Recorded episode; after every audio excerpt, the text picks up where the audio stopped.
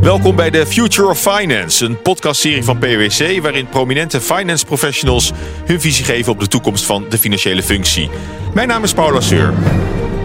Op een verantwoorde manier vernieuwen is de sleutel tot succesvolle finance transformatie. En Paul Smits, voormalig CFO van havenbedrijf Rotterdam en van KPN, weet dat als eh, geen ander. Zeker dit soort ontwikkelingen verplichten de CFO ertoe om ook naar buiten toe te gaan en ook op zoek te gaan naar nieuwe technologische modellen. Paul Smits, hartelijk welkom. Dank je. Je bent uh, acht jaar uh, CFO geweest van het havenbedrijf, hè? Dat klopt, ja. Het was een uh, prachtige periode bij een prachtig bedrijf waar ik veel heb kunnen doen. En daarvoor KPN. Dus we kunnen wel zeggen. 22 jaar KPN. Zo. En toen uh, acht jaar tafelbedrijf. Ja. En altijd in, in, in een financiële nee, functie? Nee, zeker niet. Ik ben eigenlijk pas ruim tien jaar financial. Daarvoor ben ik eigenlijk vanuit de business gegroeid. Eerst vanuit mm. de technische functie. Snel manager geworden. Commerciële functies gedaan. Algemeen management. En uh, een jaar of twaalf geleden geloof ik uh, de overstap naar finance gemaakt. Oké. Okay. En was dat, was dat lastig om vanuit een, een technische, in inhoudelijke begin, functie... Nou, je moet in het begin even de, het IFRS-handboek nalezen, om het zo te zeggen. Dus ja. ik heb ook echt wel serieuze cursussen gedaan om me daarin te bekwamen. Maar uiteindelijk is het vak zelf um, heel erg sterk business gerelateerd. En daar had ik natuurlijk ruim ervaring in. Ja, ik krijg de indruk dat je ook echt wel thuis voelt in het, uh, in het vak. Absoluut. Waar komt die affiniteit met, uh, met, met, met cijfers en getallen? Waar, waar, waar komt dat vandaan? Nou, heel vroeger komt dat omdat ik wiskunde gestudeerd heb. Dus ik ben in die zin echt een beta. In cijfers heb ik nooit uh, geheimen kunnen ontdekken. Dus dat is, is de achtergrond. Wat ik er leuk aan vind, is dat het een combinatie is van enerzijds zorgen dat je spik en span alles op orde hebt. Hè, netjes in processen alles geordend. Het moet kloppen. Moet allemaal kloppen. Ja. En tegelijkertijd creëert dat op de een of andere manier voor mij althans de ruimte om daarnaast dan weer creatief bezig te zijn en nieuwe dingen te ontdekken. En dat geld wat je net in je zak hebt gehouden ook te kunnen uitgeven aan dingen die belangrijk zijn voor het bedrijf. Ja, maar creativiteit en, en die precisie, gaat dat wel samen? Dat is voor mij juist het leuke van het vak, ja. Die, ja. die spanning, die balans die ertussen zit. Ik geloof ook heilig dat je beide moet kunnen. Een CFO die alleen maar op de cijfertjes let en het geld in de zak houdt, is niet goed. Een CFO die alleen maar bezig is om het geld uit te geven en niet oplet waar het vandaan moet komen, is natuurlijk ook niet goed. Nee, en hoeveel van de CFO's of, of van, van de controllers hebben, dat, hebben die duale structuren ingebakken zitten? Steeds meer, denk ik. De tijdperk van de traditionele bean counter is echt wel over. Maar ik zou toewensen, en dat is ook een reden die ik hier even zou willen uh, uiten, is dat steeds meer financials ook actief daar een rol in pakken. En um, een stap naar voren maken op dat vlak. Ja, want jij was daarin uh, wel een beetje de voorhoede, denk ik, of niet? Dat laat ik graag een anderen te beoordelen. Maar ik heb het wel altijd gedaan. Ja, dat heeft misschien ook te maken met het feit dat ik vanuit de business zelf gekomen ben. Maar ik vind het ook ontzettend belangrijk dat een financiële functie die rol claimt. En daar ook uh, actief in is. En niet alleen maar de strenge leermeester met het vingertje aan de zijkant is. Ja, maar je hebt ook wel je, je best gedaan volgens mij om, om anderen, om, om beroepsgenoten daarin mee te krijgen. Zeker. We hebben ook altijd gestreefd naar een divers team waar ook die kwaliteiten in aanwezig zijn. Zodat we, zeker niet alleen van mij afhankelijk is, maar juist ook in, in bredere zin in het bedrijf of in het bedrijf waar ik gemerkt, gewerkt heb aanwezig is. Ja, en als je het dan hebt over die finance transformatie, die nieuwe rol. kun jij eens aangeven hoe de rol was en hoe de rol wordt en, en waarin jij je ongeveer hebt be bewogen in die, op, op die weg? Ja, dat is interessant. Ik las toevallig afgelopen week hoe boekhouden ontstaan is. Nou, dat is in de, rond de tijd van Leonardo da Vinci ontstaan. Ja, in Venetië Dat was een meneer Luca Pacchioli. Ja. En die heeft het uh, double entry bookkeeping system bedacht. Uh, dus dat is 400 jaar geleden. Maar dat was dus eigenlijk was die man de CFO van Leonardo da Vinci. Ah. Dat is natuurlijk een prachtig verhaal. Dus in die tijd is het ontstaan. En dat was echt traditioneel boekhouden. Gewoon bijhouden wat je uitgegeven hebt en wat er mm. Nou, dat uh, is denk ik, laten we zeggen 100 jaar geleden of 50 jaar geleden was dat relevant. Is nu nog steeds natuurlijk heel relevant. Maar wat je de afgelopen 20 jaar wel steeds meer ziet komen, is dat de CFO de zogenaamde sparringpartner is van de business. Uh, dus ik denk dat op dit moment geen CFO meer in Nederland of zelfs in Europa of in de wereld meer is die niet zal zeggen dat hij een sparringpartner voor de business is. Dus dat is inmiddels wel gevestigd. Ik denk alleen dat die sparringpartnerrol in sommige gevallen nog wat te passief is. Hmm. Hè, namelijk op het moment dat je gevraagd wordt, geef je je mening. Maar ik denk dat een CFO uit, bij uitstek geschikt kan zijn om proactief een positie in te nemen en dingen te initiëren op het gebied van bijvoorbeeld digitalisering of innovatie. Ja, want wat maakt de CFO of, of de, de finance professional nou zo geschikt om juist die rol te vervullen? Um, een paar redenen. Ten eerste, de CEO of de mensen in de business zijn vaak druk met de waan van de dag. als er iets gebeurt wat urgent is en belangrijk, dan staat de CFO natuurlijk als eerste vooraan om dat te moeten oplossen. En dat geeft dat hij uh, in een aantal gevallen, hangt natuurlijk ook van de persoon af, minder tijd heeft voor de lange termijn reflectie en te kijken wat voor het bedrijf op de lange termijn waarde creëert. Dat geeft dan meteen het bruggetje naar het volgende argument. Lange termijn waardecreatie is natuurlijk iets waar de CFO ook in opgeleid is als het goed is. Mm. Hij weet hoe dat in ieder geval in theorie werkt. En een derde belangrijke reden is dat tegenwoordig hangt innovatie heel sterk samen met digitalisering. Nou, digitaal is iets met cijfers. Hè. Bits zijn ook getallen. Dat zijn zelfs maar twee getallen. En in die zin heeft, uh, merk ik in ieder geval, een financieel iemand ook vaak wat affiniteit met die digitalisering. Niet zelden valt een IT-afdeling ook onder een CFO. Dus hij gaat er al over. Nou, dan belet hem ook niks om daar een mening over te hebben en een visie over te ontwikkelen. Ja. Dus jij vindt eigenlijk dat de eh, CFO veel meer naast de CEO op de bok uh, zou moeten zitten? Nou, ja, als er een goede rolverdeling kan ontstaan, zeker hoor. Dat hangt ook al. Eh, dit heeft altijd met mensen te maken. Hè. Dus in een competentie eh, tussen wat een CEO kan en wat een CFO kan, moet je een goede samenwerkingsmodus zien te vinden. En daarbij zou een CFO in ieder geval de competentie zelf moeten hebben om op die bok te moeten kunnen zitten bij die onderwerpen die hem het beste liggen en aangaan. Ja, en dan is uiteindelijk is de, de, de bron waaruit de, de CFO eh, put. Dat, dat, zijn, dat zijn getallen, dat zijn bits, dat zijn big data. Je moet wel weten waar je het over hebt. Ja, dat, uh, je ziet helaas ook vaak met die moderne ontwikkelingen zoals blockchain, uh, artificial intelligence, et cetera. Dat er wel over gekletst wordt, maar dat mensen er eigenlijk heel weinig van af weten en hoe het nou echt zit. Hmm. En dat, dat is wel moeite die je moet nemen om je er echt in te verdiepen en, en er ook een beetje ja, verstand van te hebben. Want op dat terrein, de, die innovatie, dat is ook waar je nog steeds actief bent. Hè? Ja, en ook, zeker. ook in je rol als eh, CFO heb je ook daar altijd heel erg eh, mee bemoeid. Ja, ik vind het heel erg leuk. En, en je moet dan ook, net zo goed als ik me twaalf jaar geleden in IFRS verdiept heb, heb ik me onlangs nog verdiept in eh, JavaScript en Python en, en blockchain, et cetera. Om, om daar ook gewoon iets van te begrijpen. Want uiteindelijk een van de succesfactoren van innovatie is toch ook wel de diepgang en de, de technologie kennis die je moet hebben om daar ook succesvol in te kunnen zijn. Ja. Je komt er niet met alleen maar over te kletsen. Ja. En is dat voor. Uh, kijk, eh, bedrijven hebben ook een soort levenscyclus. Hè? Die, die, kunnen in heel, die kunnen in een start-up fase zijn. Of, ja. of ze, kunnen al, al, al, grote en multinational opereren. Uh, is, daar, is daar nog verschil tussen? Zie je daar een, een andere rol uh, voor, de, voor de CFO of, of, of voor, voor controllers. Ik kan me voorstellen als, als, als je ook internationaal moet werken, dat dat een extra complicatie is. Maar met, met die strategische visie, is die, is die anders, wezenlijk anders per sector of per omvang van het bedrijf?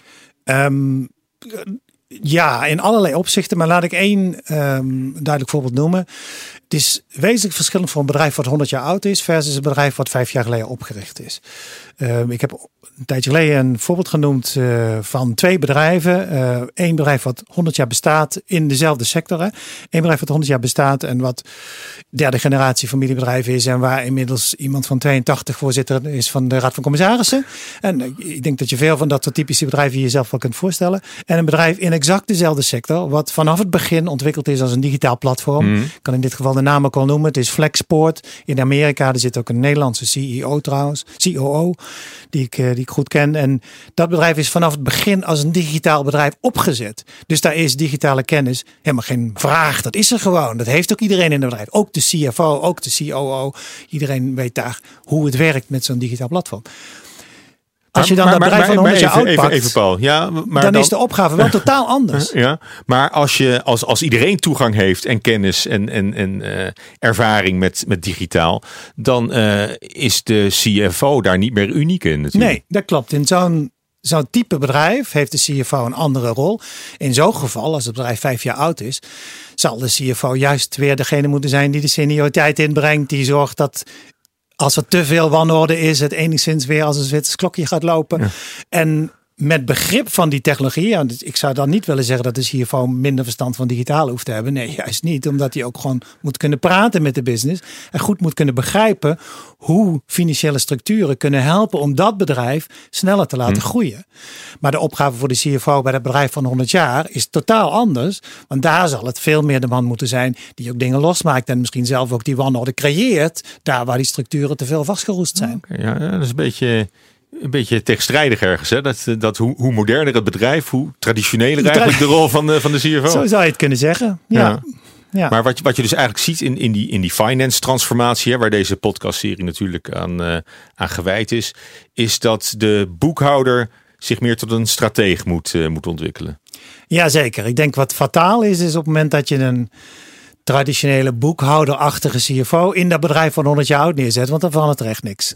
Oké, maar, de, maar de verandering, want, want ook dat is op zich wel een, een eye-opener natuurlijk, is dat, is dat de, de, de innovatieprikkel, de verandering en uh, ook het, het zien van, van die mogelijkheden, dat dat nou juist van die, van die CFO eh, kan komen. Kijk, het hoeft natuurlijk niet per se van de CFO, hè, maar uh, om bijvoorbeeld te noemen, er wordt dan ook vaak een Chief Innovation Officer aangesteld of iemand die de digitale programmamanager is, of hoe je ook noemt. Nou, dat is vaak een recept voor mislukking, omdat die persoon niet echt in de lijn een directe verantwoordelijkheid draagt en toch gezien wordt als de stafmeneer aan wie het probleem gedelegeerd is. En dat is fundamenteel verkeerd, geloof ik, als je innovatie en zeker digitalisering in het DNA van je bedrijf een plek wil geven. Dan moet het in de lijn georganiseerd zijn. Ja, en en welke, welke rol zie je praktisch dan weggelegd voor juist de, de, de CFO, voor de, voor de financial in een organisatie, om die uh, innovatie aan te zwengelen? Ja, in de beginfase kan dat op veel vlakken zijn. Hè. Het kan bijvoorbeeld zijn door uh, kleine units buiten het bedrijf vaak neer te zetten die met een bepaald nieuw businessmodel aan de slag gaan. Die moeten dan toch op de een of andere manier bestuurd worden. Nou, de lijn heeft daar niet altijd de tijd voor. Daar kan een CFO een belangrijke rol in spelen. Een heel belangrijk instrument is natuurlijk ook deelnemingen. Kleine deelnemingen, minderheidsdeelnemingen in bedrijven. Je ziet vaak corporate funds. Ook dat is natuurlijk een domein waar de CFO zich uitermate in, in thuis voelt. En op het moment dat een bepaalde business volwassen dreigt te gaan worden, moet om het volledige effect van zo'n ontwikkeling ook te kunnen meemaken, moet het ook vaak weer terug geïntegreerd worden in het normale mhm. bedrijf. En ook dat is een proces waar de CFO natuurlijk een heel belangrijke rol in kan spelen. Ja. Nog een heel evident punt is het budget. En je kunt te weinig geld aan een nieuwe kleine start-up geven. Je kunt er ook te veel geld aan geven. En hoe doseer je nou als het ware de hoeveelheid geld die je aan een, uh, aan een start-up of aan een kleine unit geeft in het bedrijf om succesvol te zijn. En wanneer stop je ook met de funding omdat het gewoon niet succesvol is? Ook dat zijn zaken waar een CFO een belangrijke stempel op hoort te drukken. Ja, maar dan heb je het denk ik eh, voornamelijk over CFO's van grotere ondernemingen. Die zich dus ook eh, externe deelnemingen kunnen permitteren. Of, of, of een start-up programma. Of een, Ja, wat noem je groot? Hè? Kijk, het, het havenbedrijf was 1200 mensen een belangrijke naam in, in Nederland, maar natuurlijk niet een van de allergrootste bedrijven. Toch hadden wij ook deelnemingen en hebben we bewust ook gewoon groepjes mensen in het bedrijf de ruimte gegeven om eigen ideeën te kunnen ontwikkelen. En in een geval is dat ook doorgegroeid tot een grote digitaliseringsunit. Uh, dus het kan ook al in een bedrijf van duizend mensen. Ik ben zelf commissaris bij een ander bedrijf wat ook bestaat uit een, eenzelfde grote uh, hoeveelheid medewerkers. En ook daar heeft innovatie een duidelijke plek. Maar ja, het is inderdaad bij Philips en bij Heineken en bij ASML heeft dat natuurlijk een heel andere vorm. Uh, duidelijkste voorbeeld wat ik zelf ooit meegemaakt heb was bij Cisco. Die hebben een heel uitgewerkt systeem van dit doen we zelf, dit doen we door een groepje op afstand. Hier nemen we een deelneming, daar kopen we gewoon een bedrijf. Dus daar is die filosofie volledig uitgekristalliseerd. Maar ja, dan hebben we het ook over een van de grootste bedrijven van de wereld. Ja, en heb, maar heb je het dan ook over de invloed van de, van de CFO? Zeker, denk je? ja. Bij, bij Cisco speelt dat ook? Speel, speelt dat ook, ja. Oké, en uh, ja, die innovatie, hè? in hoeverre heb je het dan over, over technologische, digitale innovatie? En in hoeverre heb je het over, over business innovatie, zeg maar meer, zachte innovatie? Is, is, is, dat ook, is daar ook een taak voor, uh, voor de financiële functie? Ja, zeker. Ik vind het ook fijn dat je dat onderscheid nu ook noemt, want er zijn twee verschillende vormen van digitaliseren. Uh, je zou het kunnen zeggen, één is digitize en het andere is digitalize. Digitize is veel meer datgene wat je hebt in digitale vorm perfectioneren. Dus laten we zeggen, je hebt dan een ERP-systeem. Nou, dat moet dan veel beter en veel meer geïntegreerd of in de cloud gezet worden. Of op een zodanige manier dat je eigen bedrijfsprocessen daar veel beter mee kunnen werken dan nu. Dat het mobiel ontsloten wordt en dat alles in je bedrijf um, op, een, uh, op een moderne, up-to-date manier technologisch vormgegeven is. Uh, digitalize, dus het digitaliseren van je dienstenaanbod is wat anders. Want dan ben je feitelijk bezig om een nieuw aanbied, aanbiedingsmodel naar de markt te creëren. Um, laat ik dan deze keer een voorbeeld gebruiken wat niet van het havenbedrijf of van KPN is, maar het bedrijf Klöckner, dat is een uh, Duits staalbedrijf. Nou, zou je zeggen dat is uh, massief en veel assets en zwaar en uh, moeilijk. Nou, wat moeten die maar digitaal nou? Nou, de directeur daar die heeft besloten dat hij een digitale marktplaats voor staal wilde creëren. Dat heeft overigens jaren geduurd, maar dat is er inmiddels. En het bedrijf staat ergens in, in, in, in het Roergebied. Ze hebben besloten dat kleine interne start-upje eigenlijk in Berlijn neer te zetten. Dus een paar honderd kilometer verder weg om het daar de ruimte te geven. Dat is er nu. Daar verdienen ze nu ook geld mee. dat is dus een voorbeeld van een digitale manier van geld verdienen. Wel binnen je sector, maar niet met je traditionele productenportfolio. En dat is echt een andere manier om je business te digitaliseren. En denk ik fundamenteel bovenop dat je je bestaande dienstverlening digitaal maakt. Ja. Heb je nou ook het idee dat de functie van de, van de CFO uh, ook meer naar buiten gericht wordt door die transformatie die we, die we nu zien? Want uh, naar, naar mijn gevoel is de CFO altijd vooral, vooral intern georiënteerd. Ja, dat hangt natuurlijk ook samen met hoe het team verder samengesteld is. Maar zeker dit soort ontwikkelingen verplichten de CFO ertoe om ook naar buiten toe te gaan. En ook te begrijpen hoe ten eerste de huidige business van het bedrijf eruit ziet. Maar vooral ook op zoek te gaan naar nieuwe eh, technologische modellen, nieuwe start nieuwe innovatieve bedrijven waar je mee kunt samenwerken. Maar ook op zoek te gaan naar nieuwe klantgroepen die voorheen niet binnen bereik waren en die met nieuwe verdienmodellen wel binnen bereik komen. Dus ja, de CFO zal dan ook naar buiten moeten en niet alleen naar de spreadsheet kunnen kijken die op zijn computerscherm te zien is. Je bent uh, acht jaar CFO geweest van het havenbedrijf in Rotterdam. Daarvoor een aantal jaren CFO bij, bij KPN Telecom hele verschillende bedrijven. Je hebt ook bij een winkel gewerkt, hoorde ik je zeggen. Ehm, dat zijn hele verschillende organisaties, kan ik me voorstellen. En toch krijg, krijg ik de indruk, als, als ik jou zo hoor, dat het voor de rol van de, van de CFO eigenlijk niet eens heel veel uitmaakt. Voor de digitalisering van zo'n organisatie. Nee, nou, het hangt af van hoe de CFO zijn rol uh, dan ook indeelt. Maar ik heb wel het geluk gehad dat ik zowel bij KPN werk dan gewerkt heb, die hele slag naar internet heb kunnen meemaken, als ook nu bij het havenbedrijf. De verschillende sectoren hebben daar natuurlijk een andere dynamiek in gehad. Uh, in rond het jaar 2000 had je de internethype en toen hebben we de hele telecomsector permanent zien veranderen.